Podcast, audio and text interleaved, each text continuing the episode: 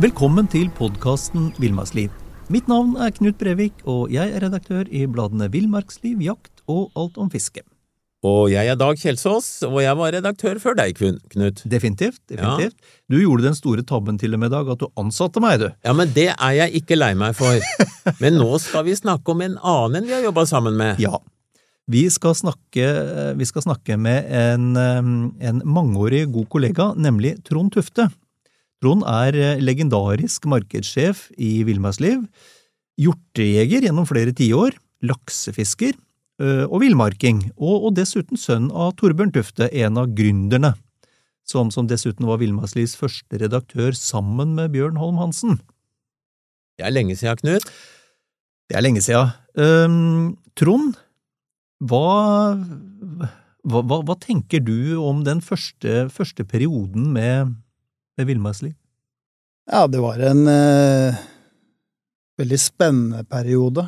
Eh, jeg ble jo nesten født og oppvokst eh, med villmarksliv. Jeg hadde jo en eh, far som eh, hadde en eh, sikker og trygg, fast jobb, som plutselig begynte å skulle satse alt på dette her med å utgi blad i konkurranse med da Norges jeger- og fiskeforbunds eh, forbundsblad Jakt og fiske. Mm.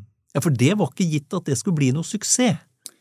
Nei, det var det langt derifra, og eh, disse gutta her, de var jo ikke akkurat eh, de som hadde mest penger å investere i et sånt prosjekt, så det gikk jo ganske mange år før de begynte å se økonomiske resultater av den lanseringen de gjorde med et sommernummer sommeren 1972. Ja, ja. Hvor lang tid tok det egentlig før, før det ble liv laga?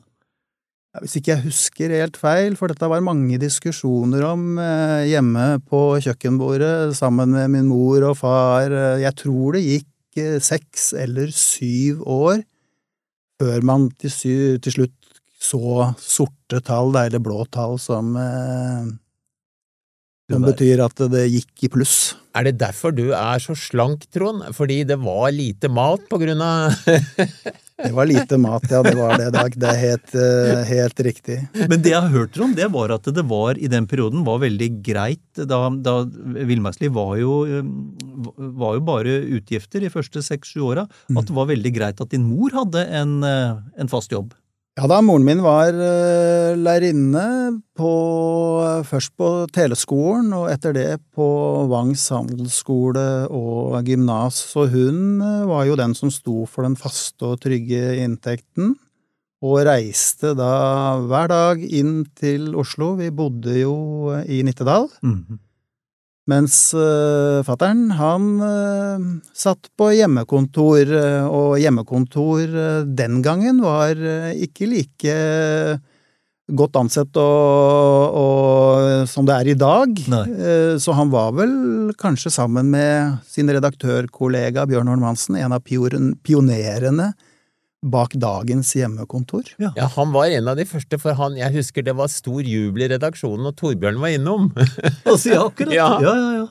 Men han gjorde jo like god jobb, så det var jo helt greit. Ja, ja, ja. Ja da, det gikk jo utover meg eh, til dels, da, fordi jeg var jo personlig bud for eh, begge disse to redaktørene. Han ene da i Nittedal, og han andre som bodde oppe på Haugerud.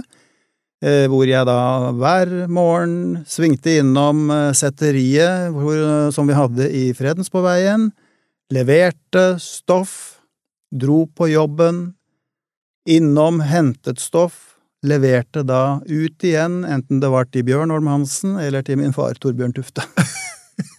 og bladproduksjon den gang, det var liksom ikke som i dag hvor vi sitter hjemme digitalt og ferdig med det, går rett inn. Det var som du sier, et setteri det var damer som skrev manusene om igjen, enda de var håndskrevet fra før, og det, det var litt av et system. Blysats. Ja, det kan du tro. Ja, og etter hvert så, eh, så kom jo det trykte mediet. Jeg, eh, jeg startet jo Ryan Reynolds her fra Mint Mobile. With the price of just about everything going up during inflation, we thought we'd bring our prices down. So to help us, we brought in a reverse auctioneer, which is apparently a thing.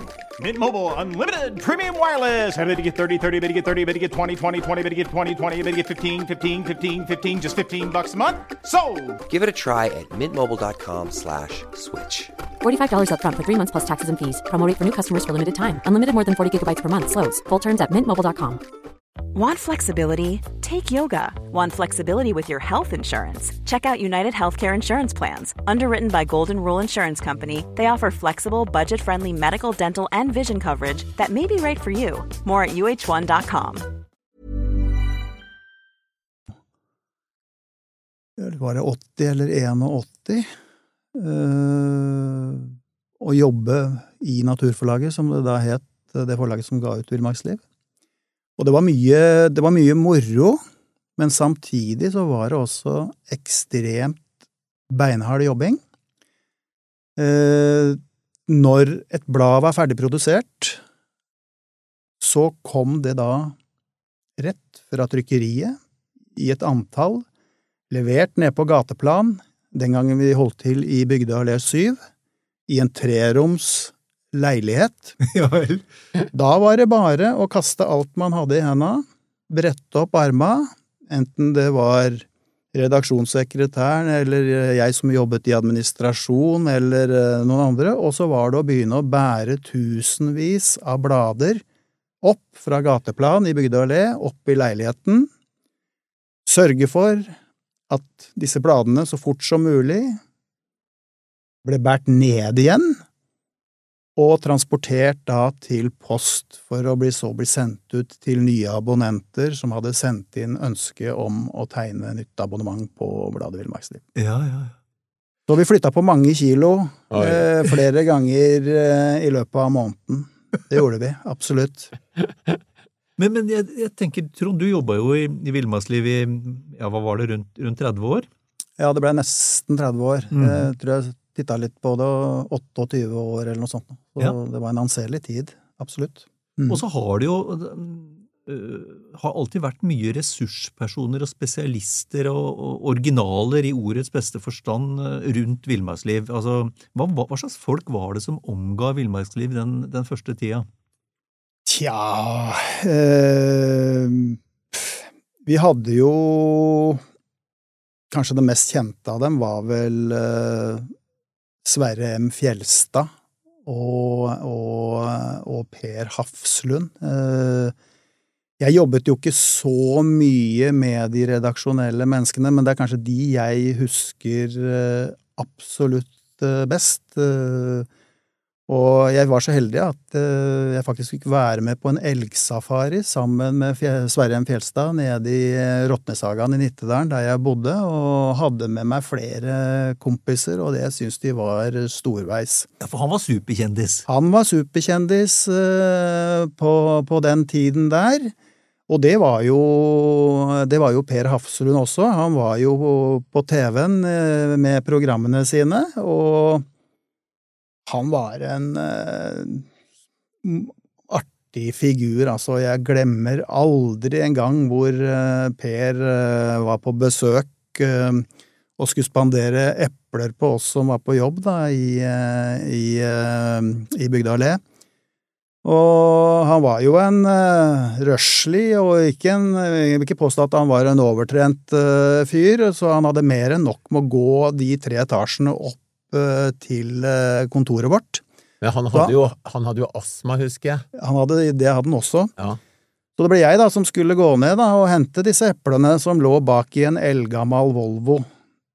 Og jeg eh, fløy jo ned trappa, jeg var jo ung og sprekk, eh, i hvert fall den gangen, og lukka opp den der bagasjelokket på den eh, gamle Volvoen hans, den som var halvfull da med sånne halvråtne epler, krydra da med to eller tre eller fire daue ildere som lå på toppen. Så, eh, så Per, han, eh, han kommer jeg aldri til å glemme. Han var en, han var en morsom kar. Ja, ja, ja. Var det altså Var det andre, andre som gjorde spesielt inntrykk på deg? Ja, eh, det var masse personligheter her sånn Vi hadde jo eh, professor Jon Olav Krogh, professor Rolf Brade, Morten Brondal Etter hvert også da fangst- og fellegeneral Jon S. Oppdal fra Steinkjer. Mister Nidelven personlig, Tor Hansen. Eh, Mr. Sølvkroken, Bjørn Nyhus, og Mr. Abu Garcia i Norge, Håkon Mørk. I tillegg så var jo våpenskribenten vår på den tiden, Tor S. Halvorsen, hadde jo et, eh, et stort navn eh, på den tiden, han også. Eh, til og med mangeårig redaktør av eh, bladet Jakt og fisket i Norges jeger- og fiskeforbund, Ole Kirkemo, var medarbeider og skribent på den tiden der. stemmer det. stemmer. Mm. Ja, vi har trukket oss mye bra folk. Ja, vi har det! Vi har det. Så eh, Nei da, det var, eh, det var stor spennvidde på, på folka. Nå Mm. jobbet jo jeg ikke redaksjonelt, så jeg jobbet jo mest kommersielt, så eh, for meg så, så handlet det veldig mye om å ha kontakt med da annonsørene og ikke minst leverandørene som vi kunne henge oss på for å skaffe blant annet vervepremier. Vi kjørte jo den gangen store vervekampanjer i, i bladet Villmarkstid for å skaffe oss uh, nye abonnenter, og det Mm. funka som uh, juling. Ja. Og da var det godt å ha et, uh, en god kontaktperson innad i både jakt- og sportsfiske og friluftsbransjen. Det ble jo gjort utrolig mye for å øke abonnementstallet etter hvert som bladet hadde råd til det, da. Eh, For det kosta jo mye penger, og det var jo verving, som du sier, flotte premier, og det var gaveabonnement, og så var det jo etter hvert noe som het Villmarksklubben, gullabonnement og eh, tiltak som var spennende, og som, som Villmarksliv faktisk var først med å gjøre mye av i, i Norge. Hva, hva tror du hva, hva, hva betydde mest for å øke abonnementstallet? Nei, altså jeg tenker over tid så er det vel uh, summen av, uh, av alt. Eh, I tillegg ikke minst til dyktige medarbeidere og frilansere som, eh, som eh, sto for bladet, og innholdet som sto på trykk i bladet, ikke minst. Vi, vi har gjort mye. Men til også BET-tabellene. Altså, det ble utarbeidet tabeller, nå skal ikke jeg gå inn på detaljene rundt det, da, men det skulle være da når var det mest eh, hva skal jeg si, eh, aktuelt da å fiske laks eller fiske ørret, og disse ble fulgt nøye fra leserne våre. Mm. Og det var jo astrofysiker eh, Rolf Brade, det. Det som, var det. Som var hjernen bak, eh, bak Det er, den. det er helt riktig. Det er helt riktig. Og han hadde jo da utarbeidet og kvernet millioner av data for å da klare å få ut disse tabellene da det var Sola var inne, husker jeg, månen var inne, det var uh, høyvann, uh, lavvann, uh, tidevann, etc., etc., etc. Det, bygde jo på, på rapporter på laksefangster fra noen elver som eh, på en måte indikerte når beit laksen, og så Mm. fant han da ut hvordan er det i forhold til tidevann osv. osv. Og og det var en del tusen etter hvert, det har jeg lest meg fram til, av Ja, ja. disse rapportene fra norske Ja elver. Ja. Og en, ting, en annen ting som eh, vi startet, det var jo laksebørsen. Eh, det husker vel du, Dag? Ja, ja, ja. Eh, da satt altså da, et, Etter normal arbeidstid da, så var det vel en gjeng på en eh, seks, sju, åtte, ti ivrige eh, ungdommer, eh, unggutter, som satt da og oppdaterte data som de hentet inn fra de ulike lakseelvene, og registrerte da fangstene fra Orkla, Gaula, Namsen, Altaelva, over hele, hele Norge hvor, det var, hvor de hadde kontaktpersoner da, i de lakseførende vassdragene. Mm. Og det her var jo før dataalderen, så nå Ja. snakker vi om telefon, ringing, notater og Teletorg! Ja, Ja. ja. Og, og, og folk eh, kunne da faktisk sjekke når det lønte seg å dra og fiske laks, og det var, ideen var jo glimrende, syns jeg i hvert fall. Ideen, Ja. var, en ideen var jo helt briljant. I dag hadde jo selvfølgelig dette vært mye enklere, men eh, vi fikk det jo til eh, på den tiden der òg. Ja, ja. ja, absolutt. Men det var, det var mye jobb, som du sa, Det var mye jobb. med en del av det. Det var mye jobb. Ja, men det er vel stort sett mye jobb med, med alt vi driver med, hvis vi tenker oss litt om. Jeg husker jo veldig godt også det. Vi eh, etablerte et samarbeid med Hamar olympiske anlegg, eh, som da styrte Etterbruksfondet etter OL i 94, og etablerte da villmarksmessen Villmarksliv.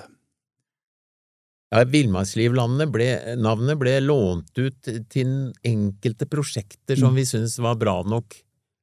Ja, Og det, det var jo moro, Trond. Det var dødsmoro, men det var mye jobb. Og det mest artige, da jeg var ikke der, men jeg tror, eh, hvis jeg ikke husker helt feil, så var det det andre året etter at vi åpna den messa. Da var jeg på, eh, på hyttetur og satt og hørte på, på radioen, og da var det kø på E6-en. Det sto dønn utafor avkjøringa til Vikingskipet. Den helgen der, på fredag, lørdag, søndag, så hadde vi altså 24 500 besøkende innom telleapparatene på Vikingskipet. Mm, mm. Så, så det var en uh, formidabel suksess, og messa den uh, levde sitt liv i mange, mange år etterpå. Ja, Vi ja. Vi fikk nok riktignok ikke det høye besøkstallet, men uh, det var moro, altså. Det var det. Morsomt å ha vært der oppe og nikke. Men det du nevner, Trond, at ting, er, at ting krever mye jobb, Mm. det er, jo, det er jo helt riktig. For hadde ting vært enkelt, så hadde alle gjort det. Helt klart. Helt klart. Men Trond, hvordan opplevde du som markedssjef den gangen at opplag på Villmarksliv i løpet av få år føyk opp i 84 000 på 90-tallet? Eh, Det var ekstremt moro, eh, selvfølgelig. Eh, Og det, historien bak det er jo egentlig at på ja, midten av 80-tallet, kanskje 3-84, så begynte de større forlagshusene den gangen, da, det var jo blant annet Ernst G. Mortensen og Hjemmet, eh, å snuse på Lille Naturforlaget og Villmarksliv. Og det endte jo opp med at eh, Ernst G. Mortensen forlag kjøpte da de første aksjene av Naturforlaget i 1986. Eh, og det gikk jo da Da hadde Villmarksliv ca. 30 000 abonnenter. Og det gikk jo ikke veldig mange månedene før da vi eh, ble presentert for et reklamebyrå som mente de skulle revolusjonere opplaget ved å ta det til nye høyder. Eh, Da husker jeg at eh, tenkte jeg ja ja, det blir spennende å se. Etter et par års eh, samarbeid og forbruk av x antall millioner kroner, så klarte de riktignok å løfte opplaget lite grann, men aldri til de store høydene. Da satte jeg meg ned, så skrev jeg et brev til styret i Naturforlaget og ba om å få prøve meg sjøl. Og det fikk jeg aksept for, og ballen begynte sakte, men sikkert å rulle, og vi nådde toppen i 1995 med 75 000 betalende abonnenter og et løssalg, eller et salg i butikk, da, som de fleste kanskje eh, er mer kjent med, på 6500 eksemplarer. Altså et totalt solgt opplag på 81 500 eksemplarer Mm. av et blad Nisjeblad. av et nisjeblad som Villmarksliv. Det var jo helt absurd, og den gangen så var det et opplag som var langt over forbundsbladet Jakt og fiske. Det var jo helt naturstridig at vi skulle være større enn eh, medlemsbladet til Ja. Norges Jeger- og Fiskerforbund. Definitivt. Men vi fikk altså, i og med at vi hadde fått inn eiere, de trodde på oss, de var villige til å satse, de hadde selvfølgelig midler, og da er det jo ekstra moro å se at det gir en avkastning, da. Mm, mm.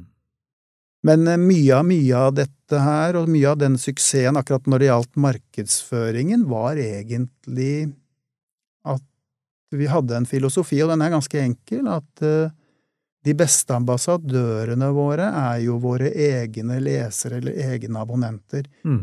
Så vi har vært inne på det litt tidligere. Vi kjørte tunge vervekampanjer med fantastiske premier. Og, og det ga resultater år etter år etter år. Så Mm. sakte, men sikkert så løfta vi oss 10 000 i året, 10 000 neste år, 10 000 opp, og så var vi oppe på, på, på det syketallet 75 000 abonnenter. Fantastisk. Du, en, en ting jeg har lyst til å, å spørre deg om, som jeg har hatt lyst til å spørre deg om i mange år, men jeg har ikke fått meg til det ennå. Men nå kommer det. Ja. Eh, Og det er, det er eh, følgende historie. Altså, Villmarksliv kom jo med prøvenummeret sitt i 72, og en his, vandrehistorie fra, fra oppstarten, det var at gründerne sendte det første bladet nedover lakseelver. En sånn slags veldig direkte markedsføring. Det var selvfølgelig bare tøys, men aner du hvordan det ryktet oppsto? Er vi sikre på at det var bare tøys? Nei! du får svare Altså, på det. det, det ble sendt noen, Ja. sies det. Eh, historien jeg har hørt, eh, var at det var en, eh, det var en gæren finnmarking eh, ved navn Sigurd Gamst, Jaha. som eh, hadde fått i oppdrag å markedsføre villmarksliv på begynnelsen av 70-tallet. Ja vel. Og meg fortalt, så er det han som sto bak dette stuntet her, selvfølgelig med velsignelse fra da Hey, I'm Ryan Reynolds. Recently, I asked Mint Mobile's legal team if big wireless companies are allowed to raise prices due to inflation. They said yes. And then when I asked if raising prices technically violates those onerous two year contracts, they said, What the f are you talking about, you insane Hollywood ass? F- So to recap, we're cutting the price of Mint Unlimited from $30 a month to just $15 a month. Give it a try at mintmobile.com slash switch. $45 upfront for three months plus taxes and fees. Promo for new customers for limited time. Unlimited more than 40 gigabytes per month. Slows. Full terms at mintmobile.com. eierne. Eh, Jeg har hørt at dette skjedde i de største lakseelvene. Jeg har hørt Stjørdalselven vært navngitt. Og jeg har også hørt at det sto folk og fiska i sesongen, og så kom det flytende nedover eh, omslag og logoer med villmarksliv eh, på dette her. Men jeg, jeg vet heller ikke om det er sant. Eller Jeg liker det, historien. Ja, historien er uansett god, tenker jeg. Ok.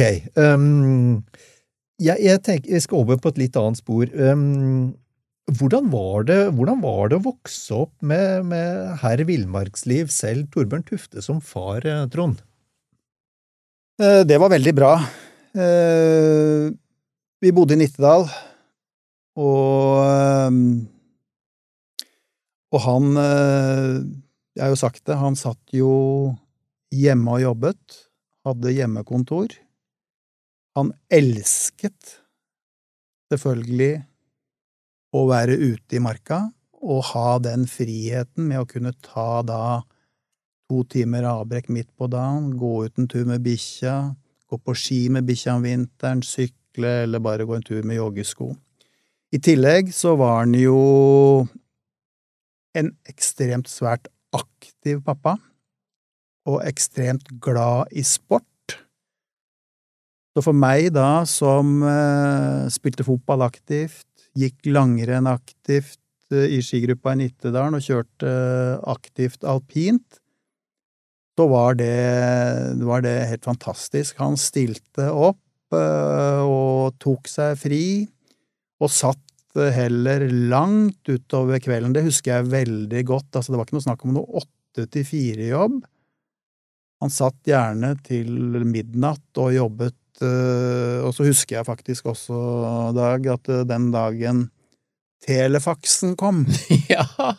så revolusjonerte jo det hjemmekontoret den gangen. Og Torbjørn var ekstremt stolt at han hadde telefaks. Det er helt riktig. Det er helt riktig. Det endte til og med at han eh, han eh, var, og han ble også formann i skigruppa i eh, Nittedalen, og var det i en del år. Og der, etter han eh, jeg husker ikke hvor mange år etter, der var jo vår kjente Odd Martinsen, han har hatt den samme rollen, og fattern var jo en som stilte opp, og én ting var å være formann i gruppa, men han var også den som kjørte gutta på Jeg husker vi var på lysløyperenn oppe i Hol i Hallingdal onsdagskveld og sånne ting. Han var ikke redd for å kjøre.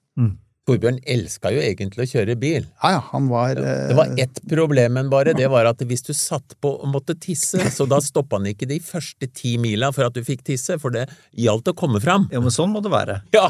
du, du måtte ikke Hvis du måtte tisse eller var sulten, Ja. da hadde du et problem. Ja. Ja.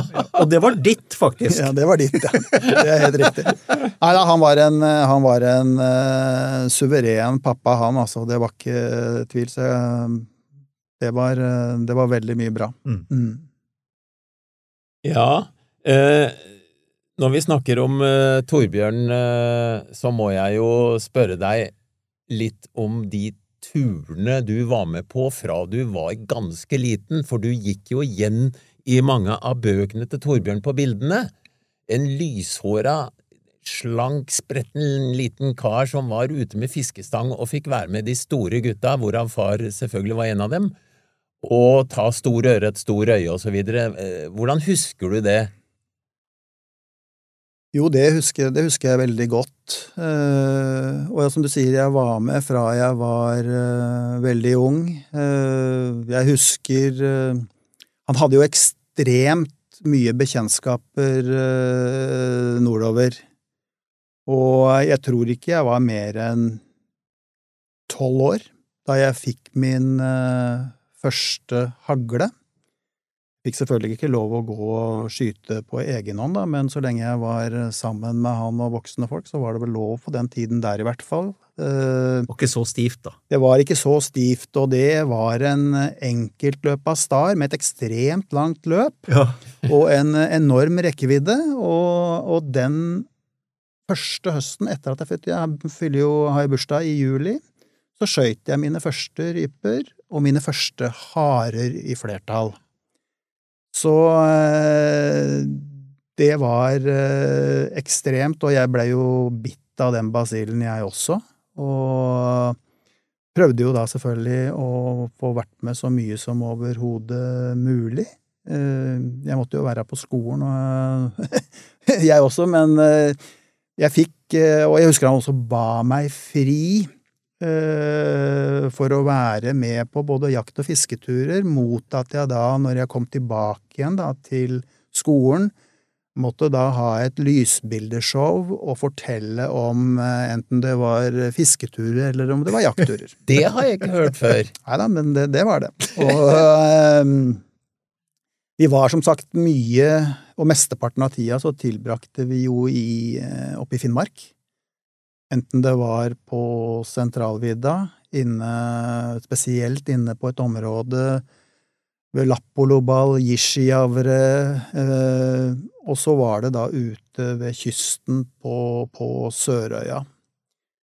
Og eh, de aller fleste sommerferiene, de ble tilbrakt i nord, og da var det sånn at eh, den dagen skolen sluttet ved sankthanstider i juni, da dro vi, pakket bil og var altså borte i samfulle to måneder og kom igjen omtrent dagen før skolen starta. Da var jo selvfølgelig gresset en meter høyt, men det hadde ikke han noe problemer med i det hele tatt. Avslappa til det. Og, men det skal jeg si, samtidig, når vi var av gårde på disse turene, så brukte jo Han var jo på jobb, for han tok jo bilder, og han eh, noterte, skrev og så, Han samlet jo da stoff for å kunne komme hjem da og sitte og bearbeide dette her, slik at det ble artikler i Villmarksliv, eller til en av de eh, 1920 bøkene som han eh, har, eh, hadde på samvittigheten. Ja, for det, vi bør jo fortelle de unge som kanskje ikke kjenner så godt til Torbjørn Tufte, at han var jo den store guruen, eh, særlig på fiskehistorier, og du leste jo til øyet var stort og vått, og du så bilder, blant annet av deg, Trond, med store ørreter, og det var, eh, det var virkelig drømmebøker for oss som, som, som leste det. Ja, altså han hadde jo tatt på seg et eget oppdrag, og det var jo det at han, han ønsket jo å gjøre Nord-Norge, kanskje spesielt Finnmark, kjent for de som bodde litt lenger sør. Ved å da farte der oppe, skrive om hvilke områder som lå der oppe.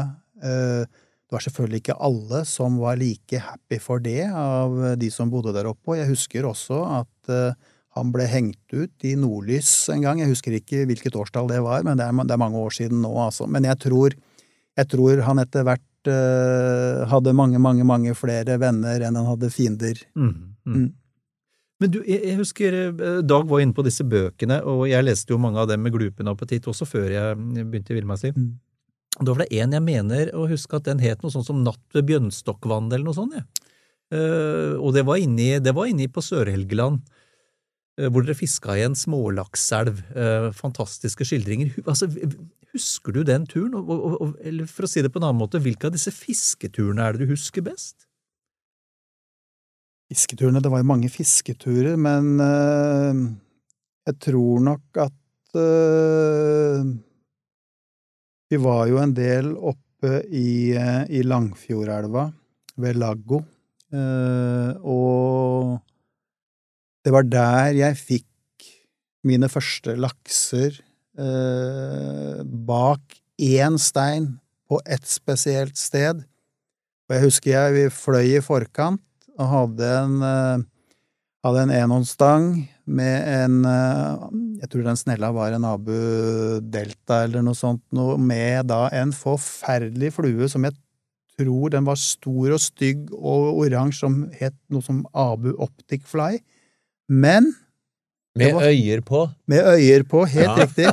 ja, jeg husker den. Altså, jeg fikk så mye. Det var riktignok smålaks, det var, men allikevel, da, for en guttunge på 10-12 år å stå og kjøre på en 2-3 kilos på uh, spinkert utstyr, fantastisk uh, opplevelse. Mm. Det var det. Men du har jo fått mye fisk i Namsen nå, når vi snakker laks? Ja da, jeg uh, både i, Faren min var jo veldig glad i å fiske i Namsen. Sjøl så likte jeg vel kanskje Jeg syntes det var ålreit å drive dette harlingfisket, men jeg syntes også det var morsomt å stå og kaste med tohånds fluestang i Orkla eller Gaula. Men jeg har fått mye storlaks opp gjennom årene, jeg òg. Det har jeg. Er det lov å spørre hvor stor den største er? 15,5. Oi, oi, oi. Det er det. Det er frisk. Hvor var det, da? Ja, det var, eh, det var i Namsen. Ok. Ja. Men, men Trond, du er, det, altså fisking er nå én ting, men du er jo veldig opptatt av hjortejakt og har skutt mange kronhjorter. Det er vel også noe av det som har betydd mye for deg? Ja, i dag så er det vel det som er eh, favoritthobby nummer én. Jeg skulle gjerne tatt opp uh, fiskinga litt igjen. Uh, laksefiske har jeg ikke vært på på flere år, uh, men det er aldri for seint. Men uh, hjortejakta, spesielt etter at jeg lærte meg å lokke Du, ta, ta en liten Nei, nei, det, nei, nei den Jeg bruker så enkelt noe som heter storlokken, som jeg har kjøpt fra en kar på, på, på Vestlandet, mm. uh, og den har jeg fått uh, virkelig dreisen på, så ja, de siste årene har hatt fantastisk mange opplevelser og fått kronhjorter inn på noen titalls meter.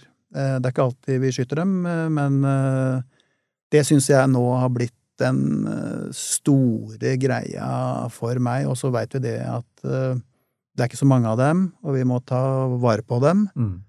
Eh, men den opplevelsen eh, som utspiller seg der, å se at du klarer liksom å imitere da et så praktfullt dyr som, som hjorten, mm. Eh, og samtidig da sitte dønn rolig, plassere deg strategisk, og høre den derre fantastiske Det fantastiske svaret du får, og når du får det innpå deg i skumringa eller noe sånt, og så blir det trolsk stemning, altså. Selv håret, altså håret ja. reiser seg selv på meg, da. ja, ikke sant?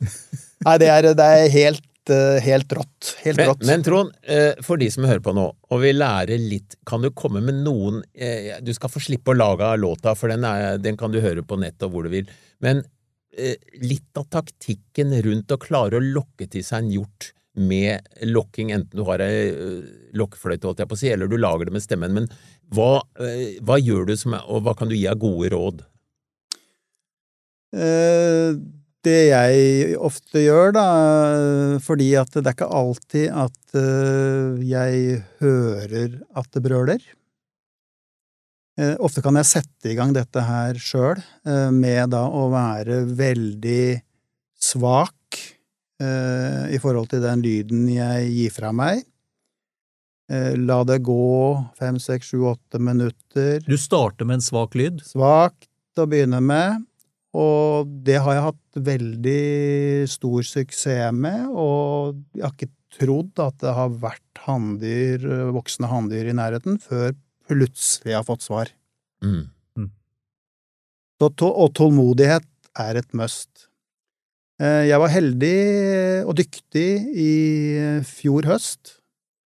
Da hørte jeg eh, dyr, jeg så dem ikke. eh, Om det var to bukker hvor den ene sto og holdt noe koller, så jeg ikke, for det klarte jeg ikke å få se i kikkerten. Men da holdt jeg på å lokke i fem timer, med selvfølgelig litt pauser innimellom, men jeg ga meg ikke. Til syvende og sist så kommer den ene fram, hvis det var en eller om det var to, som sagt, det veit jeg ikke. Og det var en helt rå opplevelse. Hvor, lang, hvor langt hadde du lokka den inn? Hvor langt hadde den kommet? Ja, da hadde Den hadde gått 400 meter. Mm. Men eh, den råeste episoden jeg noen gang har hatt på lengde, så snakker vi om kilometeren. Da så jeg han kom ned fra fjellet, fulgte den i håndkikkerten, han var så sint som bare rakkeren han skulle ta meg. Det, det også var det, Dette er noen år siden, men uh, det er en så sjuk opplevelse at uh, Ja, da, da er pumper adrenalinet relativt eh, heftig, altså. Mm. Jeg kjenner at hjertet slår fortere bare du snakker om det. Ja. Men du, jeg gir meg ikke helt, for du lokker en gang og får kontakt. Eh, hva er sekvensen? Eh, lokker du heftigere eller slakkere enn bukken? Hvor eh, Venter du lenge så det hisser den opp så han lurer på hva det er? Eller, kom, kom igjen, fortell. Til, til, å, til å begynne med så prøver jeg å være spak også.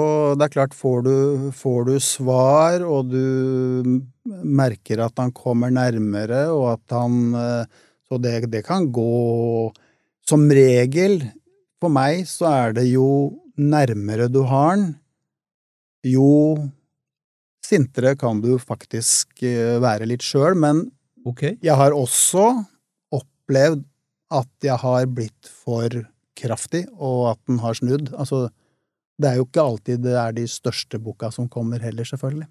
Nettopp. Så litt av knepet er kanskje å innbille bukken at du er en eh, kar han kan klare å ta. Nei, jeg har, jeg har hatt eh, dyr, jeg, som har eh, kommet og stått og sett på meg på ti meters hold, som skulle ta meg. Da, men er du da litt spakere eller lavere på skalaen eller et eller annet sånt for at han skal tro at du er litt liten bukk?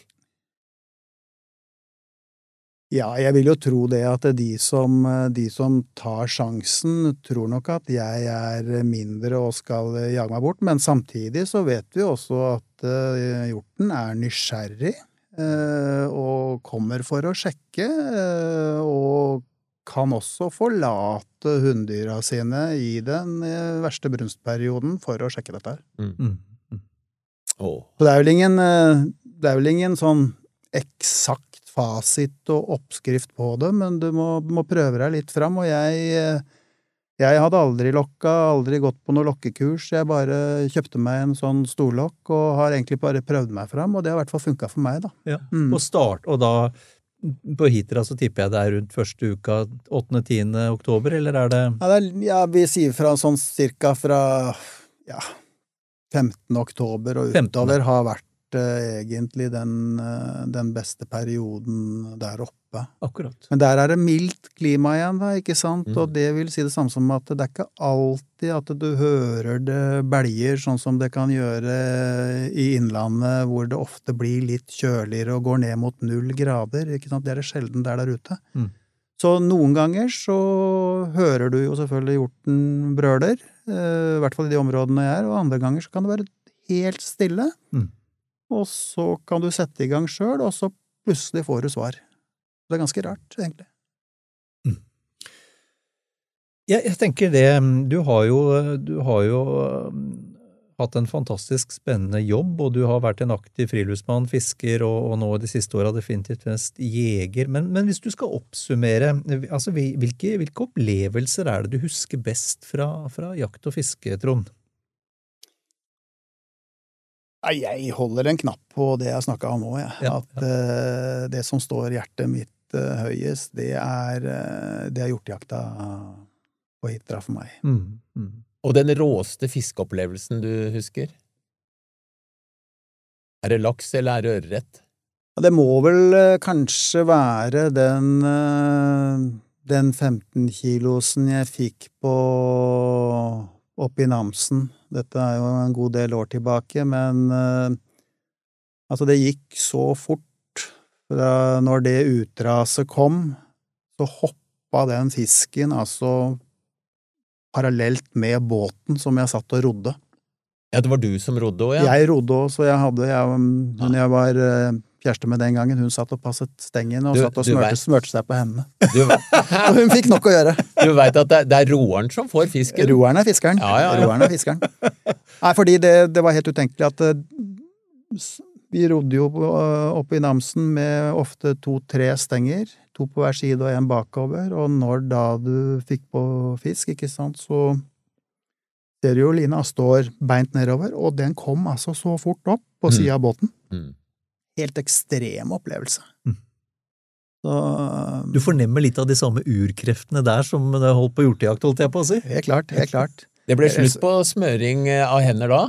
Da ble det fort eh, slutt på smøring av hender. Ja. Nei, altså, hun, var, hun var veldig stolt, hun òg, altså, som fikk lov å være med på det. Hun hadde jo aldri vært på laksefiske eh, Nei. før, så Nei da, jeg har hatt mange, eh, mange bra episoder på laksefisk og, og sånn type ting. Det, det har jeg også hatt. Men for meg så Jeg er nok mer jeger enn jeg er, er fisker. Mm. I dag, i hvert fall. Mm. Selv om jeg syns det er veldig ålreit å, å, å fiske. Og jeg er tålmodig. Men det har ikke vært de store fangstene nå de seinere åra. Altså, det har det ikke. Nå sier man at du kommer til å, å fortsette å, både jakte og etter hvert også fiske, du Trond. Ehm, tusen takk for en veldig hyggelig prat. Takk i like måte.